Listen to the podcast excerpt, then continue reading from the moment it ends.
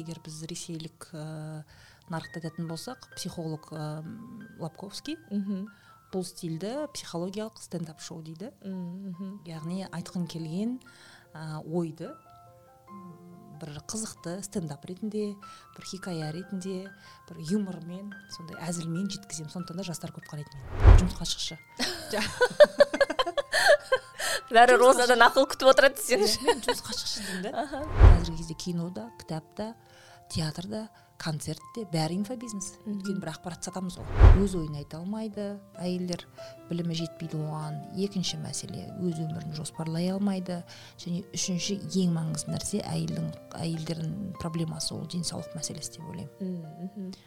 Бұл үлкен проблема. Денсаулыққа қыз баласы әйел адамдар қарамайды. 8 миллион қарызға кірдім 27 миллион қарызға кірдім 55 миллион қарызға кірдім. Миллион миллион жарым екі миллион үш миллион деген көп. Оның қарызының бәрі ненікі? Қаржы пирамидасы. Пирамидасы. Қаржы пирамидасы. Халықта ақша жоқ дейміз да қаяқтан шықты ол сегіз миллион. жиырма жеті миллион қайдан шықты? Пирамидаға салады. Мен соған таңқаламын әйел адам ақшалы болу керек деп ойлаймын мен. Және ол ақша өзінікі болу керек. Айтады сізге осындай ә, жағдай күйеуім жаңағы қол көтерді жаңағы ақшамды тартып алды деген сияқты айтқан кезде сіз не дейсіз мысалы үшін? Мхм кет деймін. Сіз кетесіз а көп жағдайда ол айтпайды ғой.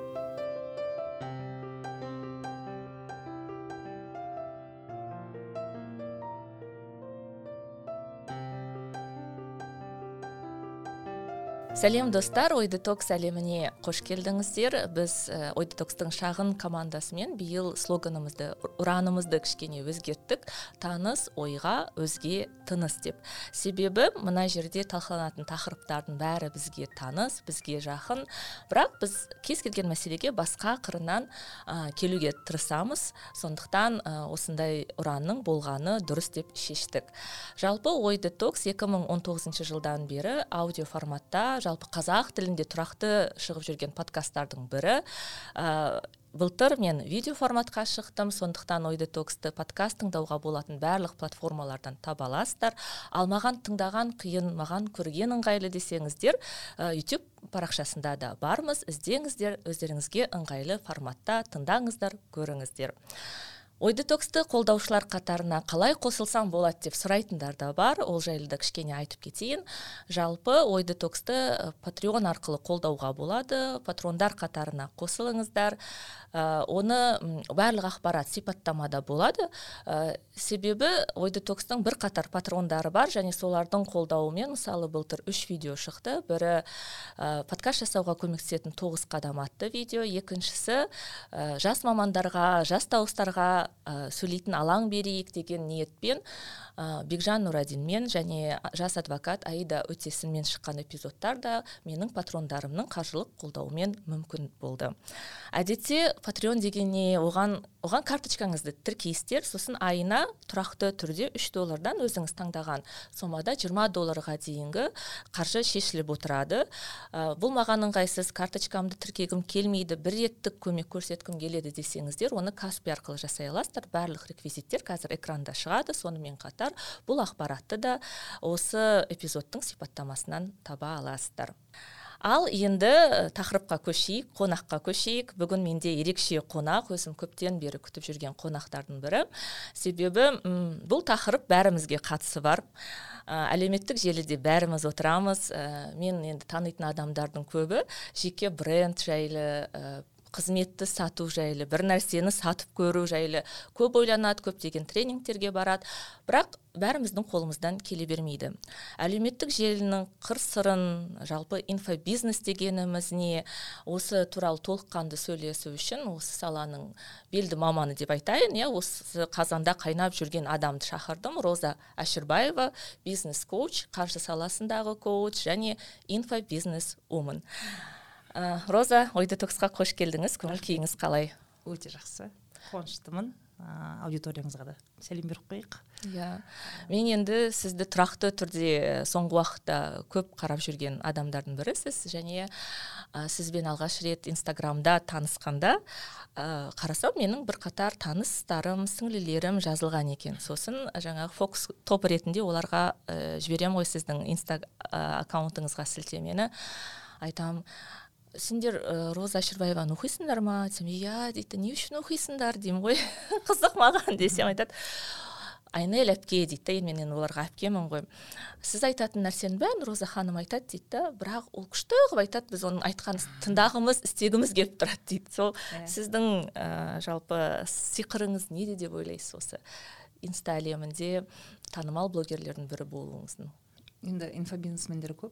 Және мен сияқты мысалы мен мендегі жасалатын инфопродуктілер курстар ол жалпы адамның тұлғалық дамуын дәріптейді. Біз мен сол туралы және өзінің ойлау жүйесі яғни мышлениемен жұмыс істеу арқылы өзіңді дамыту туралы курстар жасаймын.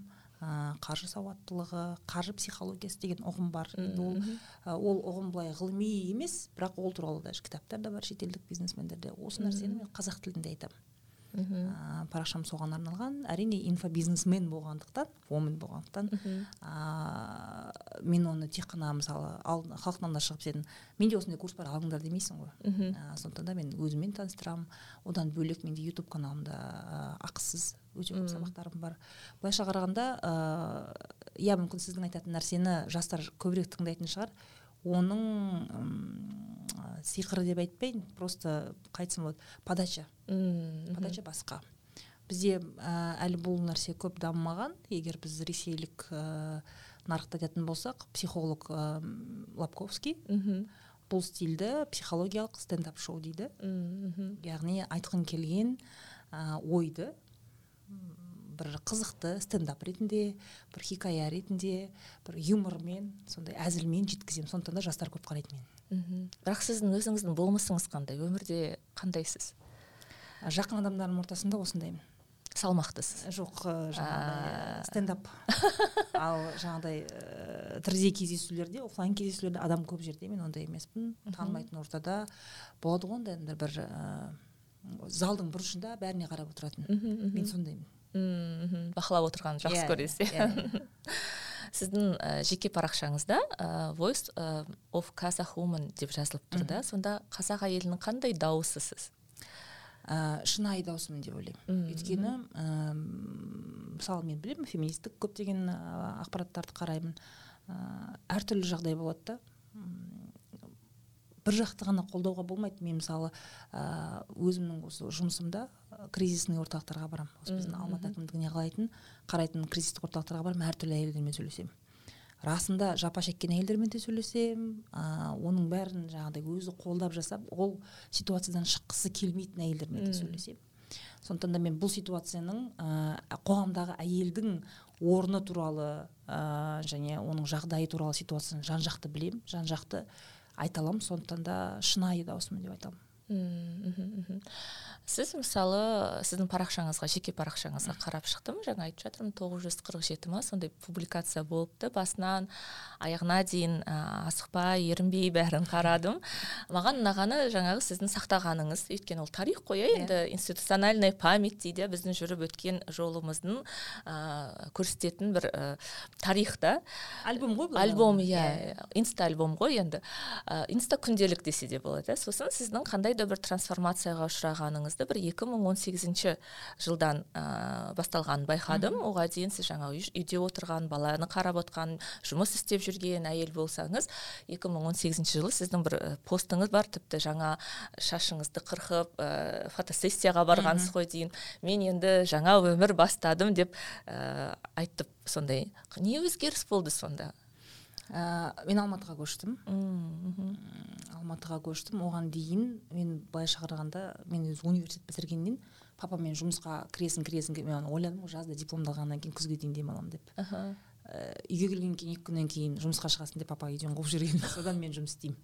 Ешқашан мына екі ұлымның декретінде бір ә, заңды түрде бір жыл екі жыл отырған емеспін. Алты ай сегіз ай дегенде шығып кетемін жұмыстың адамымын. Ә, астанада тұрдық. 2017 мың он соңында мен алматыға көшіп келдім. Негізі сол 2018-де қарасаңыз 2017-нің соңында мен телевизиялық шоуға қатысқанмын мхм. қазақстан телеарнасында үміткер деген бизнес шоу кәсіпкер. Ә, мен үшін ол жаңа орта болды. Өйткені мен ә, соңғы сол уақытқа дейінгі соңғы жеті жылда астанада тұрдым. Мхм. мүлде орыс тілді аудитория. Ә, бүкіл коллективім мен қай компанияда істесем де барлығы орыс тілді.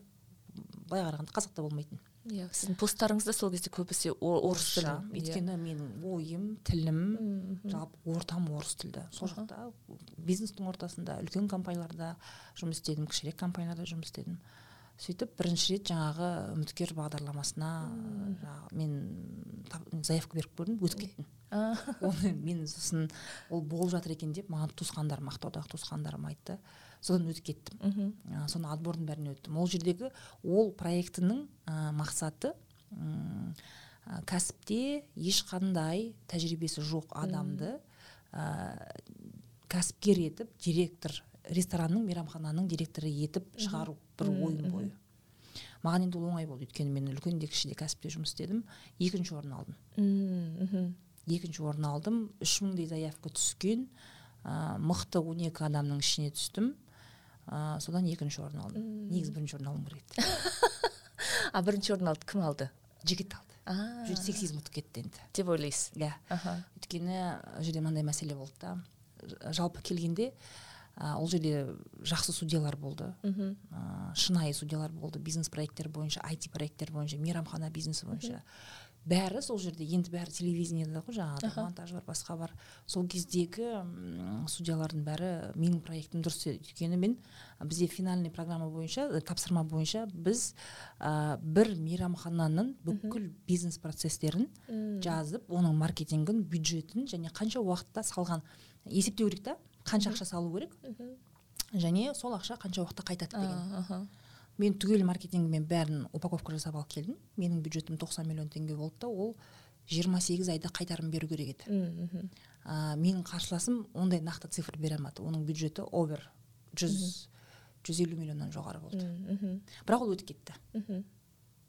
Өтіп кетті. Өйткені ә, жеңген адам расында ә, астанадағы ресторанның ә, директоры болу керек болған. Оған жігіт дұрыс болады деді де сонымен сол өтіп кетті. Ә, оны сізге біреу айтты ма? Жоқ сіз өзіңіз сөйтіп пайымдап жатсыз ба? Жоқ ол олай айтылған жоқ. Өйткені енді бизнес проект көріп тұрсың ғой менде бизнес проект бар ана жақта жоқ. Мхм. ба цифр жоқ маркетинг жоқ развитие жоқ ол жерде ешқандай. Ол ресторан кейін жабылып қалды ғой. Ол жігіт директор болды ресторан жабылып қалды. Енді түсінуге болады. Сол кезде судья болған кім еді? Бізде сол үміткерде өткенде ана түркияда ә, қайтыс болды ғой мирос құрмашев. Сол судья болған сол жетекшіледі сол сол кезде ол қатты жынданған неге осылай болды деп қатты ә, не істеді. Бірақ сондай ситуация болды. Ер адам жеңу керек шығар наверное мен енді былай өмірде ешқашан ондай сексизммен немесе мысалы мен астанада жүрдім ғой өзім жаңағы сарыағаштың қызымын южанка деген Иә. сияқты әңгіме айтады. Ондай буллингке мен ешқашан не қылған емеспін астанада. Кездеспегенсіз. Ондай болмаған басымнан өтпеген. бірақ осы алматыға келген кезде осындай болды. Мхм. а үміткер деген ол алматыда өткен шоу болды Ол ал- түсірілім алматыда болды ғой. касли радиокомпания қазақстандікі осы жерде болды. Ол кезде әлі казмедиаға түгел көшпеген ба сондай бірдеңесі бар. Сонымен бірінші рет сондай болды менде. Сосын не істедіңіз сіз? Содан кейін бірақ ол жерде мынандай мәселе болды да ол жігіт бірінші орын алды кетті. Ары қарай бірақ мен сол жерде сол шоудың тапсырушысы ә, заказчигі ә, қуаныш шонбайдың командасында қалдым. Өзі шақырды. Маған маркетолог болып келіңіз деп. Соны қалдық. Ә, маркетингтан бөлек ол кезде уже қуаныш шонбай жаңағыдай кітап жазды тренингтер өткізетін жалпы инфобизнесті мен сол кезде көрдім. Мхм. сол кезде көрдім и 2018-дің наурызында. Получается міне бес жыл бұрын ровно бес жыл бұрын мен қазақ тілді алғаш инстаграмда марафон а ұйымдастырғанмын иә көрдім аха. әйелдерге қатысты иә? жоқ ол жерде кәсіпкерлерге болды. Жаңа форматта. Түгел методологиясын принциптарын ережелерін ә, бәрін өзім 10 күндік марафон ойластырдым. 224 қатысушы қатысты. Соның ішінде қаншама кәсіпкерлер бар. Мхм. қазіргі нарықта жүрген кәсіпкерлер бар инфобизнесмендер бар. Соны алғашқы айтамын ғой қазақ қазақ ә, қазақстандағы марафондардың мамасымын деп. Сондай ә, жасап содан әрі қарай сол нәрсе өзгеріс болды маған. Мен өзімді тек қана бизнес ұйымдастырушы емес жаңағы инфобизнестің де ұйымдастырушысы ретінде көре алдым. Содан ары қарай осындай карьерам міне бес жыл болды. Инфобизнестемін. Биыл енді жаңаша тармағымды бастап жатырмын. Ә, сол бұрынғы осы инфобизнеске дейін мен маркетолог және маркетинг және пиар саласында болдым. Астанада жұмыс істеген кезде. Ә, сол салаға қарай қайтадан ә, бет бұрып жатырмын қазіргі кезде маркетингтік агентствода ә, жаңағы независим тәуелсіз экспертпін қазақ тілді креативтер және реклама бойынша консультация жасаймын. Ә, осы мәселенің проблемасын көріп жатырмық қазір маркетологтардың арасында.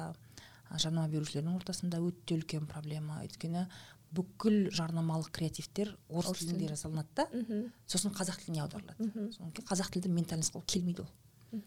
Енді бізде наоборот запрос шығып жатыр да. Қазақ тілде реклама жасап оны орыс тіліне аударайық деген. Осындай жобалар бойынша консультация жасаймын қазір. Сонымен қатар сіз қаржы бойынша коучсіз. Сонда сізде қаржылық қандай да бір біліміңіз бар ма? Мен екінші білімім бойынша высшее образование финансистпін. Енді бізде мысалы қараңыз инфобизнес десе бір инфоцыганство деп ойлайды да. Иә. Ә, өйткені өйткені бір синоним ұғым сияқты да бірден қатар жүретін ұғым сияқты. Осы жерде инфобизнес дегеніміз не? Кішкене бізге тарқатып айтып бере аласыз ба?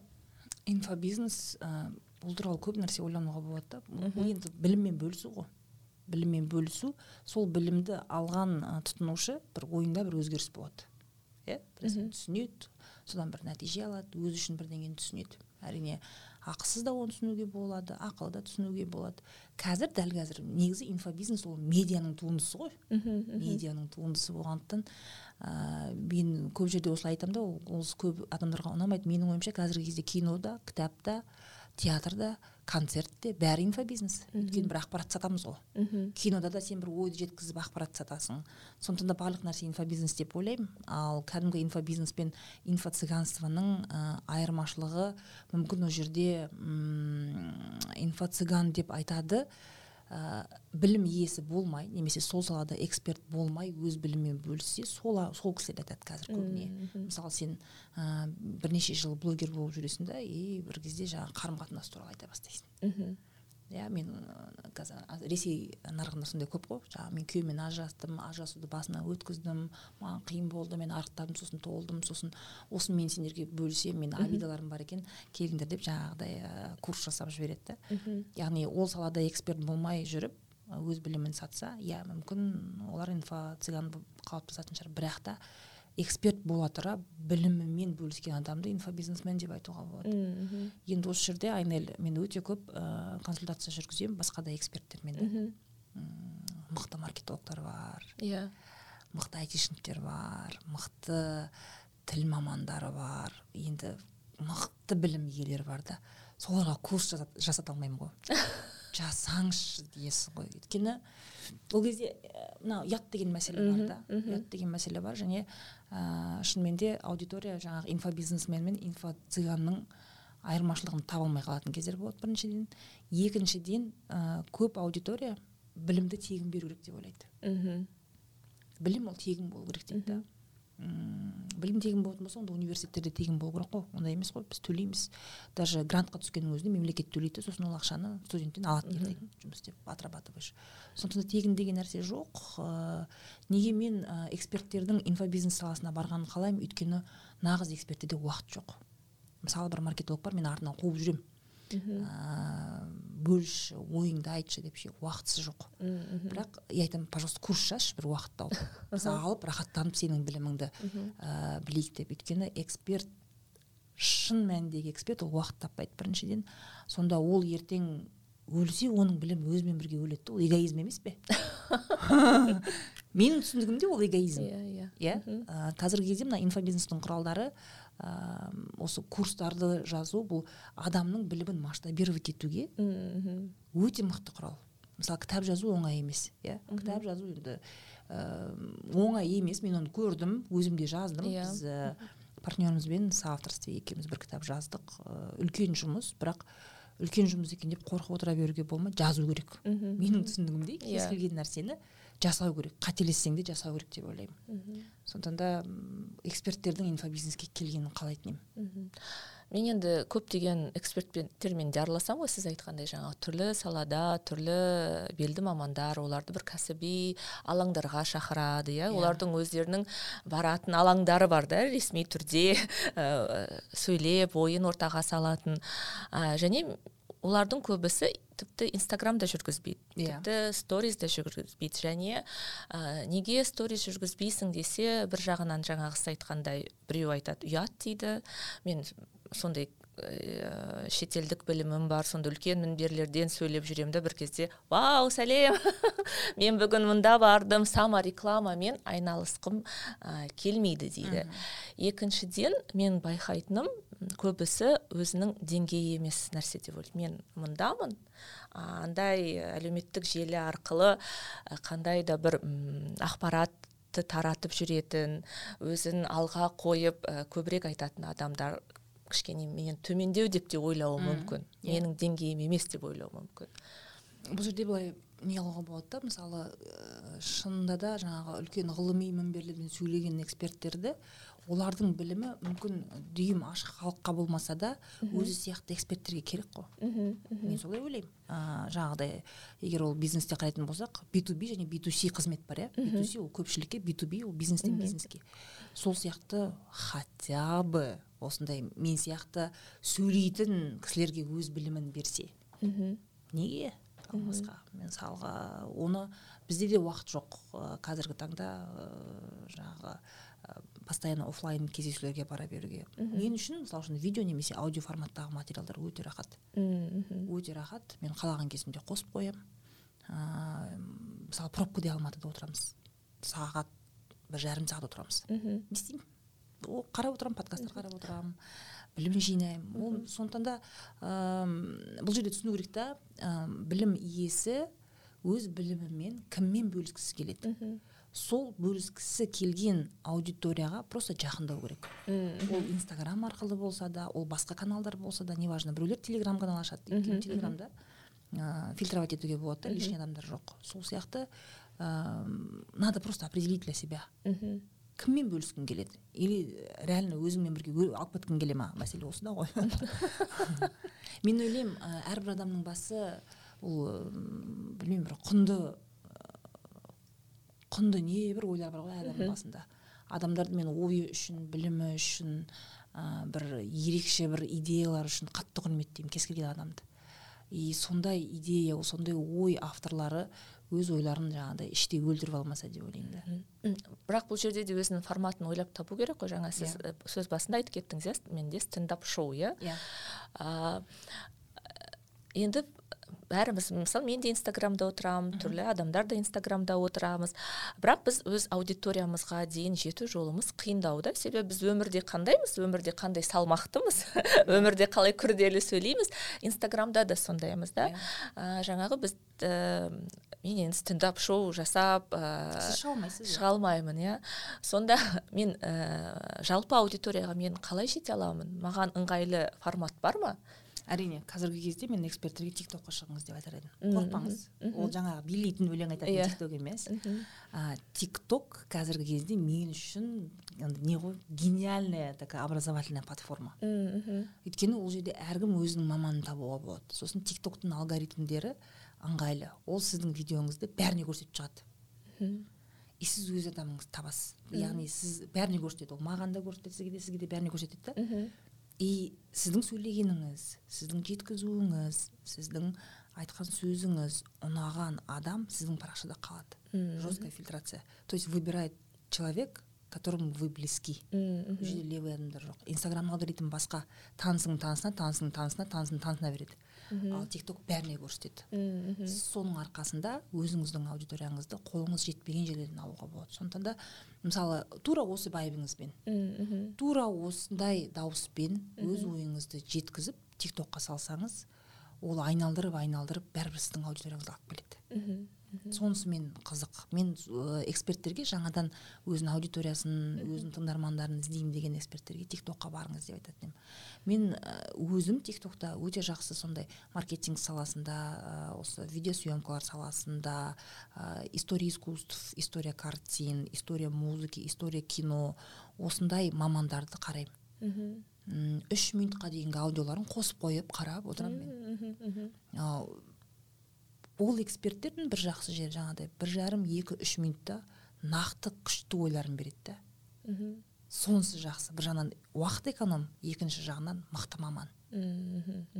Сондықтан да егер сіз өз ойыңызбен бөліскіңіз келсе өзіңіздің аудиторияңызды ә, даже мына осы подкастыңызға тыңдармандар шақырғыңыз келсе онда тик токқа барыңыз деп и инстаграм бұл мәселеде ол кәдімгі инвалид сияқты жаңағы шығармайды ол. Сондай несі бар шектеулері бар өте көп шектеулері.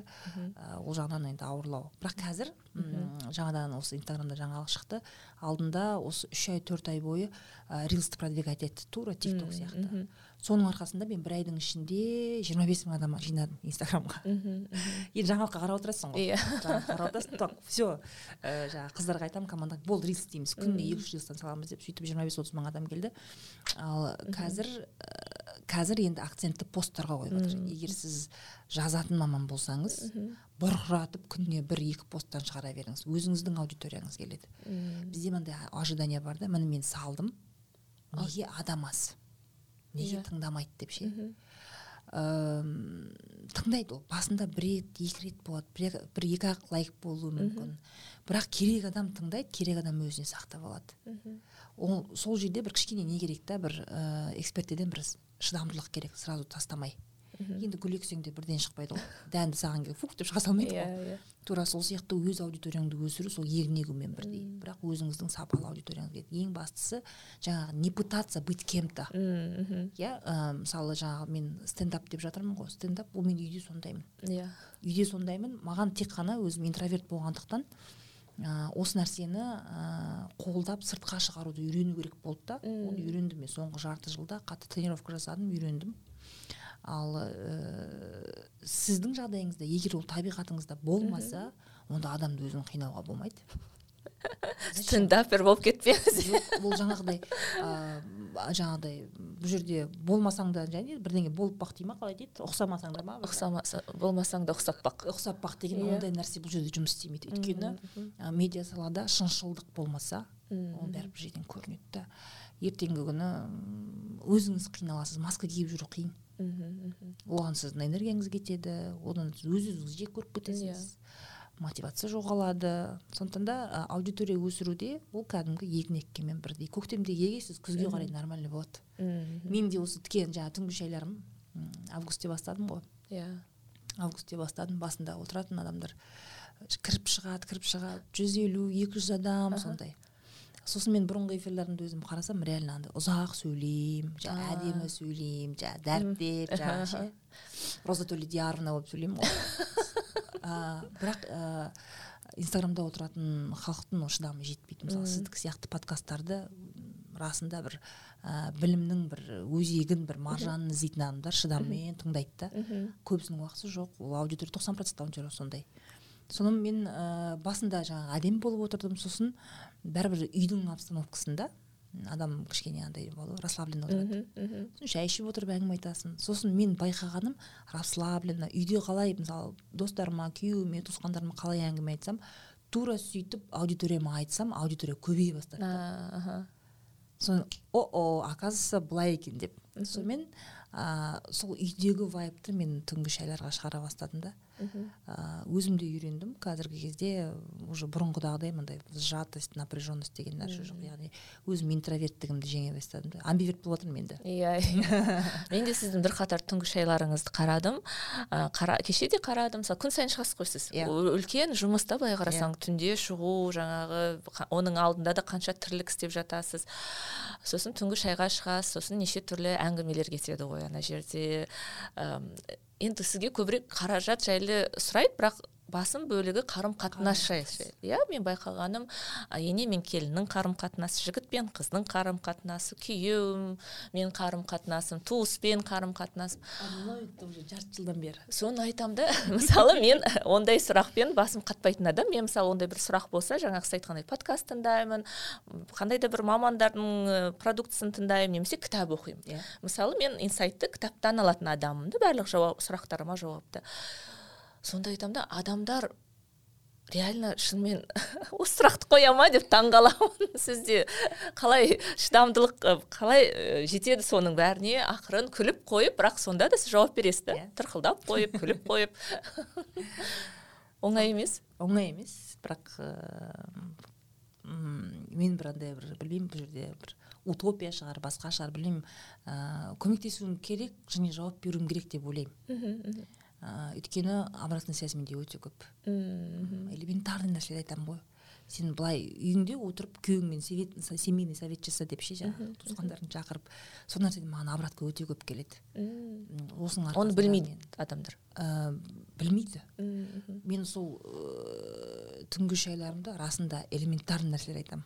Элементарный нәрсе. Күнде қалай сөйлесу керек қалай коммуникация құру керек қалай шешім қабылдау керек деген мәселені айтамын ә, менде содан обратный связь обратный пікір өте көп. Жұмысқа тұрып кеткендер қаншама. Мен просто айтамын жұмысқа шықшы. Бәрі розадан ақыл күтіп отырады мен жұмысқа шықшы деймін да. Негізі бізде қазақстанда мен осыған мен сенімдімін. Жаңағыдай елу процент мәселе осы менде психологиялық проблема дейтіндердің ә, мәселесі сол жұмысқа тұрумен шешіледі негізі.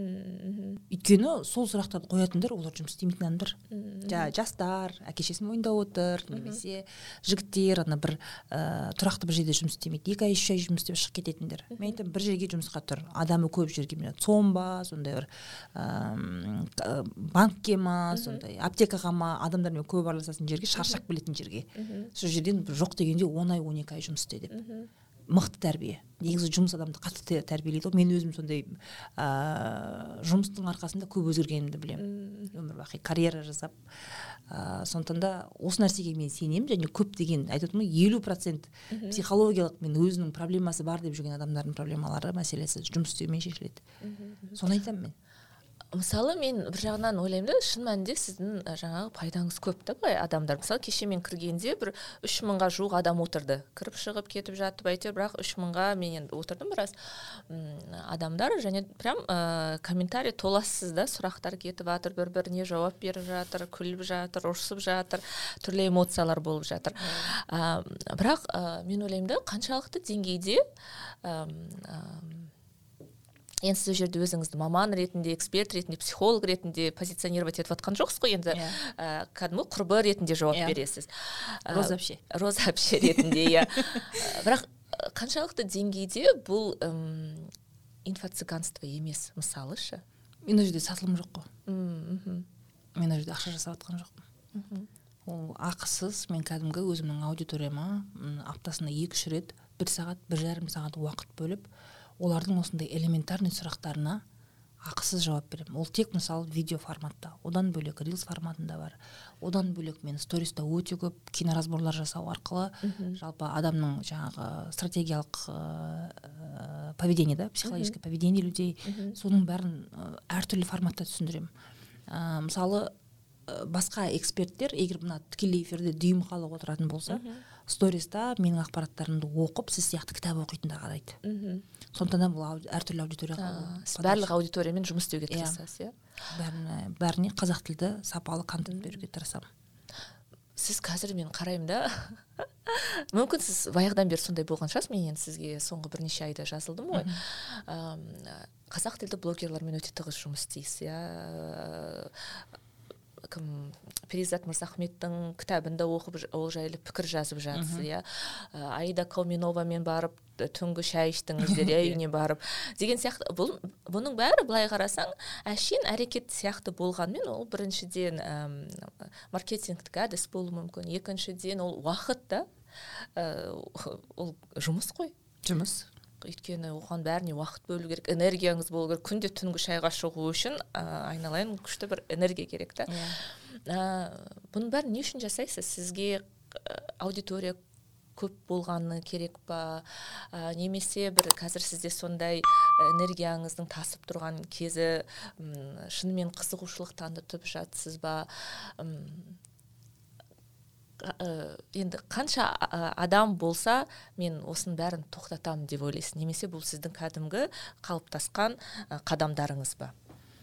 Ә, қазіргі мен жасап жатқан жұмыс жалпы мен бұл өмірде жасағым келген ә, ә, іс әрекеттердің бәрінің жиынтығы.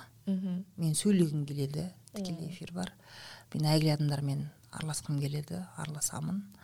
Ә, ақша тапқым келеді осы жолда мен ақша табамын. Адамдарға көмектескім келеді көмектесіп жатырмын. Ә, басқа да көп қыз сосын менің ең өз бала кезден жақсы көретін нәрсем адамдарды зерттеу. Негізі мен социологияға баруым керек социолог болуым керек пе еді білмеймін бірақ ә, расында әлеуметтік желідегі адамдардың әдет ғұрпы және іс әрекеттері бойынша мен өзімді жақсы маманмын деп есептеймін. Өйткені кез келген кәсіпті ә, жаңағы жүйелеп және ә, онлайнға шығару мәселесінде мен көп кәсіпкерлерге ә, консультация беремін. Кез келген бизнес ол мейрамхана бизнесі болсын ол IT болсын. Ә, мен соңғы ең үлкен проектілерімнің бірі ол IT компания. Қазіргі кезде ә, 7 миллион доллар капитализациясы бар басында. Сол ә, сол бизнесті сол IT-ді қазақстанның нарығында қалай жұмыс істеу керек? Сол осы мәселеде именно аудиториямен жұмыс істеу әлеуметпен жұмыс істеу иә? Әлеуметтік медиадағы поведениені зерттеу бойынша мен өзімді мықты маманмын деп есептеймін. Өйткені мен үшін инстаграмда тик токта ол ә, место аналитики. Сараптау. Мынау неге былай жазды неге былай жазды? Ә, мысалы бір айда өзіме жаңағы рилс арқылы жиырма бес мың адам келеді деп жатырмын да. Ол да дұрыс құрылған стратегия. Сен дұрыс ә, ақпаратты берсең саған өзіңнің аудиторияң келеді. М, мысалы мен соңғы кездері әйелдің құқығы әйелдің вот благосостояние женщины да. Әл ауқаты әл ауқаты оның. Сосын ә, бала қауіпсіздігі детская бедность коэффициенті туралы айта бастап едім. Ә, осы мәселеде осы ә, тақырыпты қызықтыратын адамдар өте көп жиналды. Осы нәрсені яғни соны ойлап жүрген адамдар жиналды да. Ол жаңағыдай ә, бір ерігіп жүргендер емес ол яғни сен қандай ақпарат бересің сондай аудитория саған келеді. Маған қазір соңғы келген аудиториялар сондай. Ә, бір ғана мәселе детский бизнес бойынша өте көп қазір менде хейт жүр. Региондарда өте көп. Өйткені иә баланың әл ауқаты ол ата ананың ә, жауапкершілігі. Осы баланы ата ана біле тұра кедейлікке алып бармау керек. Яғни ойланып отбасы құру керек отбасын жоспарлау керек деген ақпаратты контексттен ә, бөліп алып ол региондарда неше түрлі пабликтерде осы деген қазіргі кезде блогерлар коучтар деген бәле болды халықты алдап ақша істеп жатыр деген сияқты. Ә, және баланың әл ауқатын мемлекетке іліп қоятын адамдар көптеп маған хейт жазып жатыр қазір. Яғни мен баланы тудым мемлекет асырасын деген нәрсеге сондай оймен жүретіндер. Ал детская бедность коэффициенті соңғы кезде ол өсті әлем бойынша өсті. Особенно мына пандемиядан кейін қатты өсті. А, бұл экономикаға өте зиян нәрсе. Оны бәріміз түсінеміз ғой. Жиырма отыз жылда сол кедейлікте өскен бала ертең біздің қоғамның бір иә. мүшесі бөлшегі болады. бөлшегі. Олар көп болған сайын ол экономикаға тіке- тіке- тікелей әсер етеді. Өйткені элементарно даже ә, ол статистиканың бәрі онда тұр ғой. Үлкен компания оның сайтынан көреді да так процент мынандай значит мына елге ә, инвестиция салуға болмайды. Өйткені ертең жаңағыдай біз енді қаңтардағыдай ситуация болады деген сияқты. Осындай аналитика жасайтын адамдар бар ол үлкен компаниялар соны жасайды. Бұл экономикаға тікелей әсер етеді деп айтатыным сол. Осы нәрсені дұрыс түсінген жоқ та бізде түрлі әлеуметтік зерттеулер жүргізіледі иә. Мысалы бірақ мен де күліп жатырмын да астанада болып келдім жақында. Бірнеше адаммен ә, кездестім. Сол кезде біздің айтатын әңгімеміз енді басқа да. Біз жаңағы қазір ә, сайлау нау- науқаны жүріп жатыр мәжіліс ә, кандидаттарын маслихат кандидаттарын талқылау анау партия мындай мынау партия мындай дейміз да. Сосын мен өзімше сол вайбымда жүремін да сіздің түнгі шайыңызға кіремін да картинаны көремін да сосын ойлаймын масқара мен өз вакуумымда жүр екенмін ғой. Жалпы жалпы халықты мазалайтын нәрсе ол мүлде басқа да сайлау жайлы ә, әділетсіздік жайлы жаңағы сіз айтқан балалар кедейлігі жайлы біз ойлана бермейміз. Себебі біздің өмір сүру контекстіміз басқа да. Өйткені жаңағы әлеуметтік қажеттіліктер бар ақша қажеттілігі бар деген сияқты нәрселер. Егер сіз күнде тікелей эфирге шығып жүрсіз тамыздан бері қанша уақыт болды? Шағын сіз аналитика жасадыңыз иә? Бір қазақ әйелдердің деп айтайықшы мейлі енді бүкіл қазақстандықтардың емес өйткені сіз енді voice of казахунсыз ғой. Ә, үш ә, проблемасы қандай десе қандай міне міне міне қазіргі уақытта актуальны өзекті проблемалар осы деп айтар едіңіз? Бірінші ол жаңағы образование білім беру мәселесі. Ә, қоғамда ол тек әйелдердің емес мүмкін. Бүкіл образование мәселесі өте нашар. Жұмысқа тұра алмайды. Сосын элементарный образование мүмкін даже мектеп универде емес оны қалай түсіндіруге болады? Мен осыны даже өзім несіне таппаймын да. Элементарно жұмысқа тұру бойыншағы правила. Резюме жазу сияқты. Өзіңді презентовать ету ойыңды толық жеткізу. Енді мен қазіргі кезде мен көп ойландым осы мәселеде. Мысалы үшін ойды толық жеткізу мәселесінде. Не нәрсе көмектеседі? Мен бұрындары айтатын едім. Сен жаңағыдай ораторскийға бар бір нәрсеге бар иә. сөйтіп үйрен деп ше? Оған барып та нәтиже жасамағандарды көрдім. Маған еще келіп обратка береді олар барып келдім деп барып келдім деп иә. Сосын мен көп ойландым да сосын өзіме қараймын өзімнің опытыма қараймын. Негізі кітап. Кітап оқу керек. Өмір бақи бізде біз телевизор жоқ интернет жоқ кезде өмір сүрдік қой. Сол заманда өмір сүргенбіз ғой. Ә, кітаппен өстік қой. Сол кітаптың арқасында сосын бәрібір қанша дегенмен кез келген қабілет жасау арқылы шыңдалады. Ол сөйлеу керек адам. Иә. Сонымен айтамын телефонды қойып қой да өзің экранға қарап сөйле видеоға жаз деген сияқты. Осы мәселеде ойды жеткізу осы бойынша білім өте нашар. Әйелдерде деп жатсыңыз ғой да. Екінші мәселе ол ә, жаңағы жоспарлай алмау шығар. Өз өміріңді дұрыс жоспарлай алмау. Қыз баласында. Ә, мен жаңа алдындағы сіздің подкастыңызды тыңдап отырмын да молдияр аға жақсы нәрсе айтты да. Қазақ тілі мен қазақ әйелінің тағдыры тағдырлас дейді да ұқсас дейді. Тура сол сияқты. Қазақ әйелдер бізде қоғамда расында өз орнын таба алмайды. Стереотиптер өте көп. Сол стереотиптерге сенгендіктен ергендіктен өз өмірінің жоспарын құра алмайды. Иә мен по любому жиырма беске дейін күйеуге тиюім керек деген Иә, мәселе тұрады да иә, мысалы үшін. Осы мәселеде осы нәрсе жоқ. Иә өз ойын айта алмайды әйелдер білімі жетпейді оған. Екінші мәселе өз өмірін жоспарлай алмайды. Және үшінші ең маңызды нәрсе әйелдің әйелдердің проблемасы ол денсаулық мәселесі деп ойлаймын. А, бұл үлкен проблема. М, денсаулыққа қыз баласы әйел адамдар қарамайды. Бізге ол мысалы маған немесе сізге ол дико сияқты да. Бірақ расында ә, региондарды қарасақ әйелдер ә, екіқабат болғанша бармайды больницаға ол факт. Гинекологтың түрін сол кезде ғана көреді. Оған дейін көрмейді жаңағыдай ә, барып чекап өту медосмотр өтіп тұру денсаулығыңды бақылау деген нәрсе жоқ. Біз әйелдермен мына жиналып жалпы кәсіпкерлермен жиналып ә, жаңағы әртүрлі денсаулығынан ә, жапа шегіп жүрген особенно рак шейки маткадан же- жапа шегіп жүрген әйелдерге ақша жинап береміз да. Сол кезде маған қызық мен сөйлеймін сөйлесемін да алдында бір келіншек болған. Ә, уже үшінші төртінші стадия болған кезде біз ақша жинадық. Енді сол кезде жетті бізге хабар. Ақша жинап бердік бірақ өкінішке орай өмірден өтіп кетті.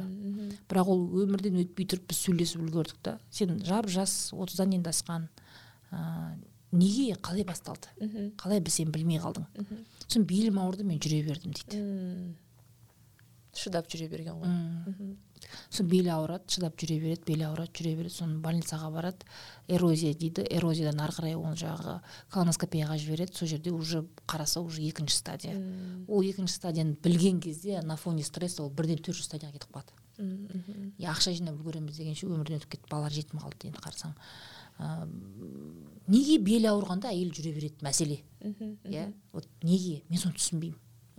Бір врачқа бару немесе ә, проблема болған кезде участковыйға бару прокуратураға бір арыз жазу деген мәселеден қорқады бізде милициядан қорқады доктордан қорқады бала кезінде сөйтіп үйретеді ғой қазір Иә, доктор иә. шақырамын милиция шақырамын деген сияқты. осы мәселе ересек адамдардың миында қалып қояды екен. Мен таңқалғаным жаңағыдай ыыы акимат цон сияқты осындай бір ә, документ оборот жүретін жерлерге барған кезде адамдар почему то жасқанады больницаға барған кезде жасқанады бір жер ауырған кезде тупо бармайды болды. Вот осы мәселе бұл үлкен қоғамда. Әрине сіз жүретін мен жүретін жаңағы айтқан неде бізде ол проблема жоқ. Бірақ мен жаңағы өзімнің аудиториям арқылы осы проблемаларды анық көремін. Өте көп көремін. Кеше мен алдыңғы күні ыыы жаңағы в погоне за счастьем киносына разбор жасадым ғой. Сол кезде жаңағы тез байып кетуге ілігіп ақшасын жоғалтқандар. Егер сіз көрдіңіз бе көрмедіңіз бе мен бір үш сторис па шығардым. Ыыы аудиториям бөлісе бастады. Қандай суммалар? Енді мен сол үш стористі бір бір сағаттың ішінде шығардым ба? Одан кейін ол сторис жиырма төрт сағат тұрған жоқ па? Маған обраткілер келді ғой. Мен сегіз миллион қарызға кірдім жиырма жеті миллион қарызға кірдім елу бес миллион қарызға кірдім. Миллион миллион жарым екі миллион үш миллион деген көп. Оның қарызының бәрі ненікі? Қаржы пирамидасы. Ма пирамидасы. Мхм. қаржы пирамидасы. Халықта ақша жоқ дейміз да қаяқтан шықты ол сегіз миллион? жиырма жеті миллион қайдан шықты? Пирамидаға салатын. Мен соған таңқаламын мхм. жеңіл жолды іздейді иә сонда? Жеңіл жолды іздейді. Опять таки бұл жаңағыдай не ғой ойланбау критично ойланбау эмоциямен эмоцияға беріліп шешім қабылдау. Өкінішке орай бұл үлкен это большой пласт нашего общества к сожалению. Енді мен кішкене болсын осыларға бірдеңе берсем бірдеңе түсінсе сондай осы мен киноразборларымды отыз мың қаралым жинайды. Қарап отырып обратка өте көп келеді одан телеграмда да көп келеді иә сізге байқағаным иә мхм. иә. Барынша ыыы бірдеңе болсын жеткізгім келеді. Мынандай мәселеде мен шамам келетін нәрсемен жұмыс істегенді жақсы көремін да. Ә, мысалы мен қазіргі осы подкастты да тыңдап отырып айтуым мүмкін. Осы жүйе білім жүйесі оңбады деген сияқты. Менің де претензиям бар білім жүйесіне.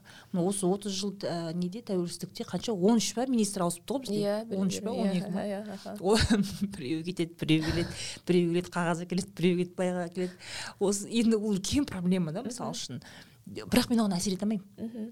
Мен білемін да әсер етпейтінімді бірақ менің қолымда аудиториям бар ғой. Мен оларға әсер ете аламын. Мхм. қолымнан келген нәрсені жасағанды жақсы көремін да. Мен системаға қарсы мен жалғыз өзім жүре алмаймын оған мен шамам келмейді оны білемін. Мхм. кезінде бір ауырғанмын мен депутат боламын деп ше. Ой биыл түсуіңіз керек еді ғой. Жоқ передумала передумала ол ол жақта көп жұмыс істей алмайтын едім. Одан да осы блогер болып аудитория жинап осы білгенімді айтсам көрсетсем ненің дұрыс осы жаңағы тез баю мәселесін ақша мәселесінде адамдар өте көп қателік жасайды. Осы мәселелерді айтқым келеді айтамын ақылы да ақысыз түрде де. А, сіз уже тамыз айынан бері тікелей эфирге шығып жүрсіз. А, жаңа өзіңіз де айтып жатсыз проблема күнде одно и то же. Иә сұрақтары да бір. Қанша уақыт жүргізесіз тікелей эфирлеріңізді және қай уақыттан кейін сізге келетін сұрақтардың сарыны өзгереді деп ойлайсыз? Өзгермейді деп ойлаймын мен. Мхм. ана бір кітап оқыдым атын есімде жоқ. Психотерапевт жазған. Ә, мынандай ситуация. Француздық француздық психотерапевт жазған атын есімде жоқ. Кітапты диагональнен оқимын да тез оқимын скорочтение есімде қалмайды. Мынандай бір историяны айтып береді. Францияға өте көп нелегалдар келді ғой африкадан. Мхм. Ә, ол психотерапевт ә, оқу бітіргеннен кейін практика ретінде волонтер маман ретінде сол ә, африкадан ауып келген ә, жаңағы қалай айтады ол кісілерді? Гастарбайтерлер емес жаңағы қашқындарды Мгм, мхм. соларға психологиялық ә, көмек көрсетуге волонтер ретінде кіреді жұмысқа. Сонда мынандай историяны айтып береді да. Қанша жыл бір жылдай ма жұмыс істейді ғой сол жақта ә, африкадан түсінесіз ба мына андай торговый корабльдермен сондай қиын жаңағыдай әртүрлі болсын болмасын контейнерлермен қашып келеді жаңағы қашқындардың бәрі ше босқындардың бәрі. Былай қарасаң ә, жартылай семьясының жартысы жолда жаңағыдай суыққа суық су жоқ тамақ жоқ өліп қалады ғой. Сондай бір ә, қиындықтан соғыс көріп сөйтіп келеді да. Естественно оларда осындай психологиялық шок бар шығар. Оларда бір сондай бір ыыы надо помочь деп сөйтіп көмектеседі ғой. Сөйтіп келіп жаңағыдай қандай не мазалайды қандай ой мазалайды десе сонда это было для меня нонсенс айтады да. Мен бір жігітпен сөйлесіп жүргем.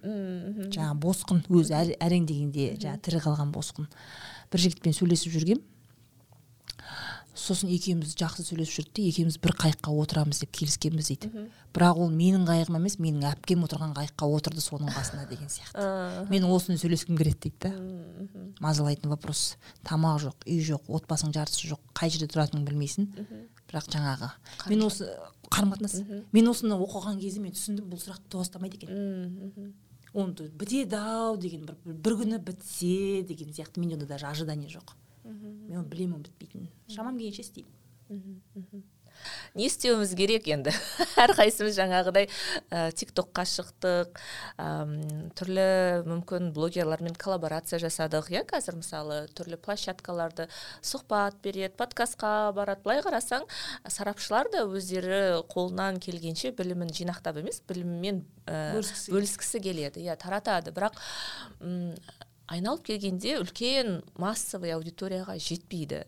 Бірақ айналып келгенде сол массовый аудиторияны мазалайтын сұрақтар қарабайыр қарапайым болса мүмкін ол жаққа барудың да қажеті жоқ шығар. Кім біледі? Ол да таңдау деп ойлаймын.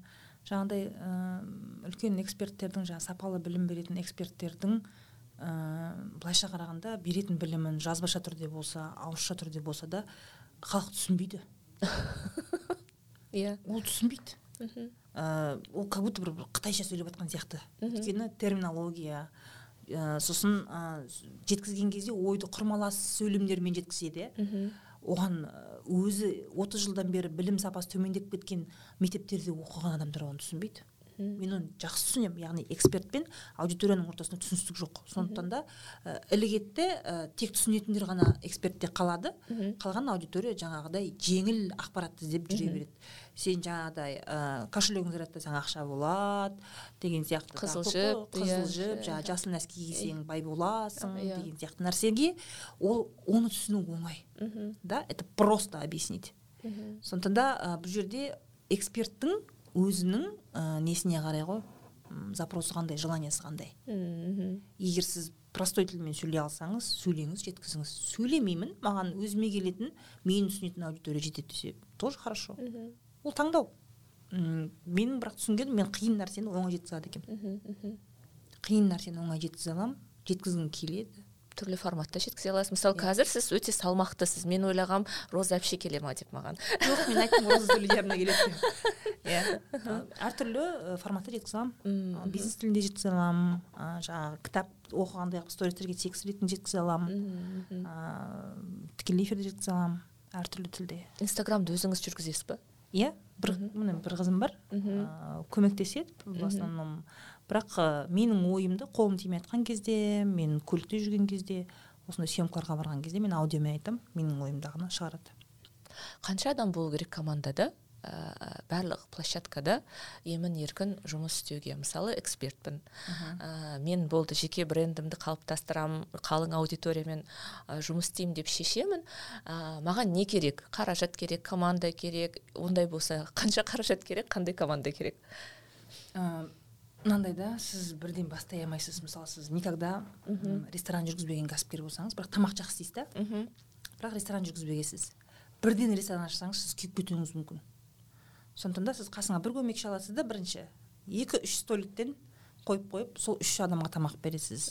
Одан кейін он бес адамға деген сосын үлкен ресторан одан кейін сеть одан кейін франшиза деген сияқты өсе бересіз ғой. Бұл мәселеде де тура сондай. Ол бірден келмейді ол. Иә сіз қазір өзіңізге бір сммщик алсаңыз өзіңіз үшін бір формат таңдаңыз да. Сіз үшін егер жазу оңай болатын болса онда копирайтер алыңыз. Сіздің тіліңізді түсінетін сіздің подачаңызды білетін. Соған аудио форматында айтасыз да басқа тілдеріңіз істеп жүре бересіз. Ол алып посттарды шығара береді. Иә. Ә, жаңағы рилс форматы болатын болса мен көбіне ә, командада ұстамай аутсорсингқа бергенді жақсы көремін. Мысалы үшін мен рилсымды түсіретіндер ол бөлек команда. Оларға мен толыққанды салонға барып киімімді киіп ә, бір үш сағат төрт сағат уақытымды бөлемін. Айтқан сұрақтарына жауап беріп олар өздері монтаждап жаңағы несін субтитрін жазып бәрін дайындап қояды. Все мен басымды ауыртпаймын. Ә, сол сияқты ютуб бойынша маманым бөлек ә, таргетологым бөлек. Дәл қазір менің командамда ә, мына екі ассистентім бар. Біреуі смм бойынша біреуі жаңағы басқа да проекттер пиар бойынша мысалы сізбен келісуге басқа да келісуге. Осындай ә, и сату мамандар бар. Өйткені обратка келеді курсыңызды алғым келеді дейтіндер сату мамандары сондықтан да бұл мәселені жаңа экспертке мен қалай дейтін едім өзіңізге ыңғайлы формат. Сіз қалай сөйлегіңіз келеді. Я мен я человек оркестр. Иә. Байқадым. Иә я человек оркестр. Ол ол уақытысымен келеді. Енді мен бес жылдан бері жүрмін ғой. Бірден өзіңе өйтіп талап қойған да дұрыс емес. Сізде мысалы көлікке бірінші рет отырсаңыз бірден жүріп кетпейсіз ғой. Иә бір үйрену керек. Сондықтан да өзіңізге жүрегіңізге жақын форматты таңдап сол площадкаға шығуға болады. Бірақ мен айтып отырмын ғой тик ток қазір тик ток мүмкіндік беріп тұрған кезде шығып алу керек. Сіз сөйлейсіз көбіне иә? Сізге сөйлеген ұнайды иә. Осындай байсалды тихий дауыспен. Міне осындай микрофонды қойып қоясыз да ойыңызды айтасыз тик токқа салып отыра бересіз. Болды өзіңіздің адамыңыз келеді бірақ өз салаңыздағы болевой темаларды көтеруіңіз керек та. Вот сол кезде өз маманды келеді. Мен бір маркетологтарды қараймын да бір үш минуттық нелерге ше. Өйткені актуалды тақырыптарға олар комментарий береді да. Маркетинг тілінде маркетолог маман ретінде. Қазір мысалы әртүрлі нәрсе болып жатыр бейонсе мысалы концертке шықты оказывается екіқабат екен деген иә, сияқты. yeah, yeah. осы жерде қандай маркетингтік ход бар деген аналитиканы үш минутқа жеткізіп салады. Талдау жасайды. Талдау жасайды да. Сол арқылы тик токқа шыққан өте мықты. Бірақ конкретно өзінің аудиториясы келеді да. Ол жерде левый адамдар жоқ. Сен неге өйтіп айтасың? Негізі олай емес дегендер жоқ та. Вот өзінікі отырады сол жерде. Сонысын ұнайды маған. Менде мысалы роза сіздің парақшаңызға кіргенде ә, жаңағы коуч қаржылық коуч деп енді айтып жатырмыз ғой иә инфобизнес вумен деп. Ә, менде де басында бір толыққанды картина ә, құралмады да. Себебі жаңағы сіз айттыңыз ғой мен әлеуметтанушы болуым керек еді деп иә немесе психолог тіпті психолог па деп те.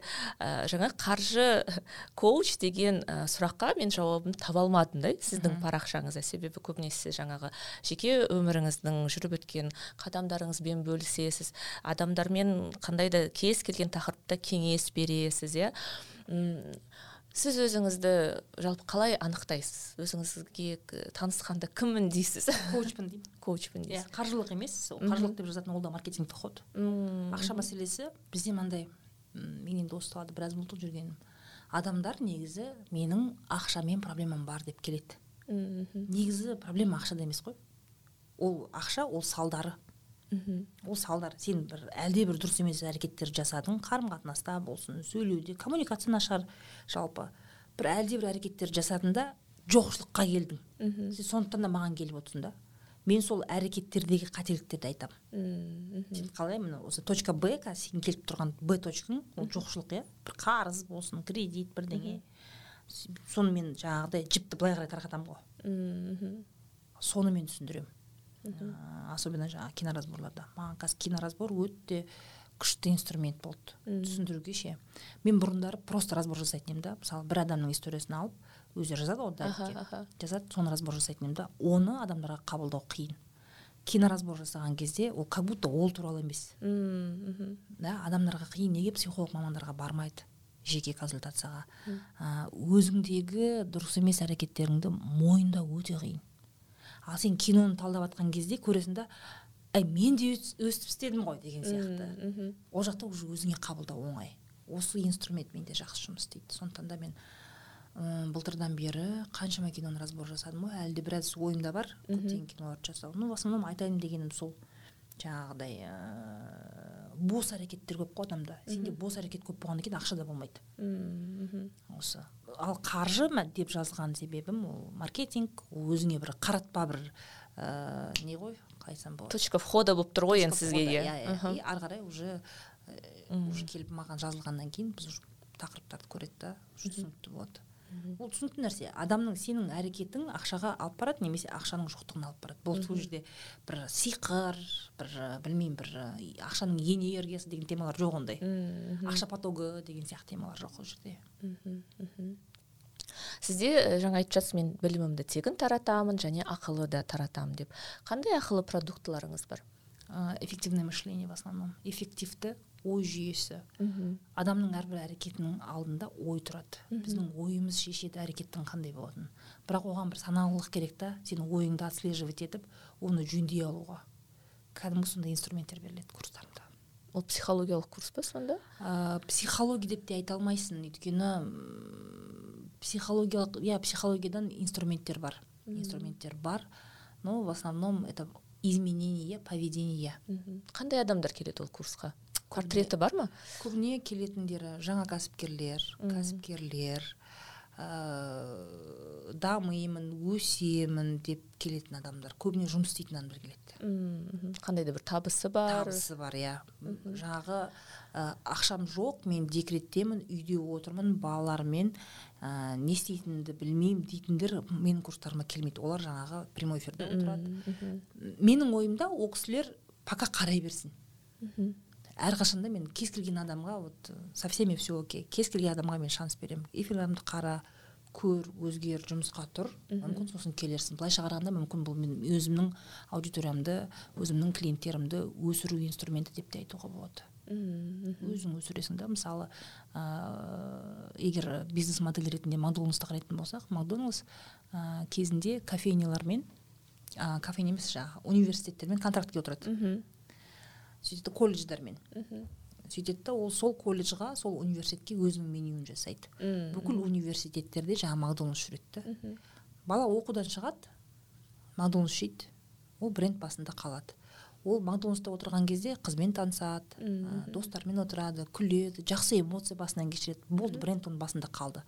Ертең ол өзі үйленген кезде бала шағасы макдональдсқа алып келеді. Иә сол арқылы. Былай қарап отырсаңыз бренд өзінің болашақ ә, аудиториясын өсіріп жатыр менде де бұл стратегиялық бір үлкен бір сондай секрет сондай мәселе бар.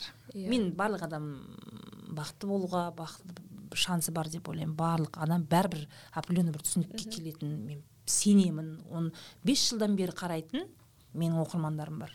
Қайда өзгеріп кеткен? Сізбен бірге өсті? Иә менімен бірге өскендер бар. Жаңағы ой сана мышление не дедіңіз? Курсыңыздың атын ұмытып тұрмын жаңа. Ә, менде қазір үш курс бар. Аха. сенімділік. Олар бәрі бөлек бөлек продукт иә? Иә. Әрекет және масштаб. Сенімділік ол тұлға. Әрекет ол маман. Масштаб ол бизнесмен. Адамдар тіркеліп иә. қатыса алады иә. Мхм. Мысалы қазір сіз жаңа айтқанда мен қатты түсініп тұрған жоқпын да енді ыыы описаниясын қарау керек екен деп. Бірақ енді жалпы айналып келгенде үшеуі тоғысып сенің сана ойлау машығыңды өзгертетін дүние болып тұр ғой иә иә? роза мен сұрамаған қосып кеткіңіз келетін ыыы шіркін ай мына нәрсені сұрамады ау деген нәрсеңіз болса мархабат қосып кетіңіз. Ондай нәрсе жоқ екен бәрін айтқан сияқтымыз. Жалпы ііі қай кезде де қандай площадкаге барсам да менің айтқым келетін нәрсе әйел адам жұмыс істесе екен деймін. Әйел адам ақшалы болу керек деп ойлаймын мен. Және ол ақша өзінікі болу керек. Бір қыттай тиын болса да бір өзінде бір еркіндік болу керек та. Бізде қоғамда мына көп мынандай ситуациялар. Әйел адам ақшасын табады бірақ айлығы не күйеуі не ене салатындар бар. Бұл енді былай қарағанда қаржылық құлдық болмағанда немене енді бұл? Иә вроде бы бірақ сіз байқамайсыз. Ол адам осы алматының орталығында бизнес центрде бір бухгалтер немесе бір менеджер болуы мүмкін. Жүреді былай сөйлесесің шай ішесің сен ондай адам деп ойламайсың оны. Бірақ егер сен оның ішкі кухнясына кірсең ол солай болып шығады да. Оның жаңағы айлық алатын карточкасы ол не енесінде не күйеуінде яғни қаржылық құлдық. Осы нәрсе болмаса екен деймін. Әйел адамның өзінің қалағанша жарата алатын ақшасы болу керек бұл оның адами құқығы. Осыны әйелдер бірінші өздері түсінсе ғой деймін да. Бұл жерде ана ер адамдар емес әйел өзі түсінсе деймін. Өйткені қазір соңғы кезде көп айтып жүрмін да әйелдің жауы әйел. Біз әйелдер өздері бір бірлерін құртады ғой. Үндеме айтпа. Шыда. Шыда. Ол да бір буллинг емес пе? Иә мысалы келіп отыр құрбыңыз келіп отыр да. Айтады сізге осындай жағдай күйеуім жаңағы қол көтерді жаңағы ақшамды тартып алды деген сияқты айтқан кезде сіз не дейсіз мысалы үшін? Кет деймін. Сіз кет дейсіз. А көп жағдайда ол айтпайды ғой олай айтпайды. Мхм ой шыда адам болып кетеді тағы біреуін ту. Иә иә. Тағы біреуін ту ескіреді деген сияқты. Да отыздағы еркек қалай ескіреді? Ол болды ғой уже. Иә иә. Сол сияқты әйелдерге өздеріне жау болмаса екен әйелдер ақшалы болса екен деп тілеймін. Осыны бар жерде айтқым келеді. Иә жаңа сіз айтып жатсыз ғой енді. Ә, мысалы мен көп еститінім ә, шыда он жылдан кейін анау басылады күйеуің сосын сенің салтанатты дәуірің басталады Иә. дейді да. Мен айтамын да жаным ау анау он жыл құрбан болған өміріңді ойласашы. Сол бір күні бір мен ә, жаңағы бүкіл ә, кеткен уақытыма салтанат етемін деп ә, бір қайдағы жоқ он жыл жиырманы күтіп жүргеннен ешқандай пайда жоқ деп мен де айтамын. ана күйеу жүретіндер айтады ғой. Қайда барады дейсің? Ана бірдеңе дейді. Ат айналып қазығын табады ертең Иә. өзі есейгенде кетеді қашан? Елуде қырықта ма а Иә. менің жастық өмірім қайда қалды? Иә осы мәселеде өте көп дискуссия менде парақшада. Мен осылай айтқан кезде сен отбасыларды ажыратып жатсың осыны айтады. Енді сол біліп отырмын ғой өзім сол аудиторияға жұмыс істеймін. Өзім сол білімді бергім келеді ондай обратка келеді хейт келеді. Ә, издержки профессии как называется. Иә иә. Рахмет роза. Алтындай уақытыңызды бөліп келгеніңізге шын мәнінде енді мен жаңа бірнеше рет айттым ғой. Ә, роза әпшені көрем ба деп едім. Өте салмақты сабырлы ә, көп нәрсе жайлы ой толғайтын адамды көріп тұрмын. Ә, және ә, мен сіздің инстаграмыңызды қараймын ол үлкен жұмыс. Осы салада жүрген маман ретінде ә, өзім де аудиторияны ә, өсіргім келіп жүрген адам ретінде ә, білемін оның артында қандай еңбек жатқанын азынан кешке дейін ә, түнгі эфирге де шығып ә, түрлі продуктыларды өндіріп жүру оңай емес. Сондықтан осы энергияңыз сарқылмасын. Рахмет. Әлі талай талай белестерде көрініңіз. Әм, сәттілік тілеймін. Және ә, уақытыңызды бөліп келіп ә, сонша жыл жинаған ә, біліміңізбен тегін бөліскеніңізге рахмет мынау қалың аудиториямен. Себебі бізде де сарапшыларда өте қатып қалған бір шектеулер өте көп. Бұл да бір сол шектеулерді бұзуға бір мүмкіндік беретін әңгіме болды деп сенгім келеді. Үміттенемін солай ақ болсын. Рахмет сіздерге де сәттілік. Аудиторияңыз көбейе берсін. Рахмет. Ой детокс ең мықты подкасттардың бірі бола берсін. Аумин аумин рахмет. осымен достар ой детокстың кезекті эпизоды аяқталды. Аяғына дейін тыңдадыңыздар деген ойдамын. Сондықтан бірнеше секунд уақыттарыңызды бөліп менің арнама әлі жазылмаған болсаңыздар жазылыңыздар лайк басыңыздар комментарий қалдырыңыздар. Розаға сұрақтарыңыз болса оны да қойыңыздар. Мүмкін роза бөлек.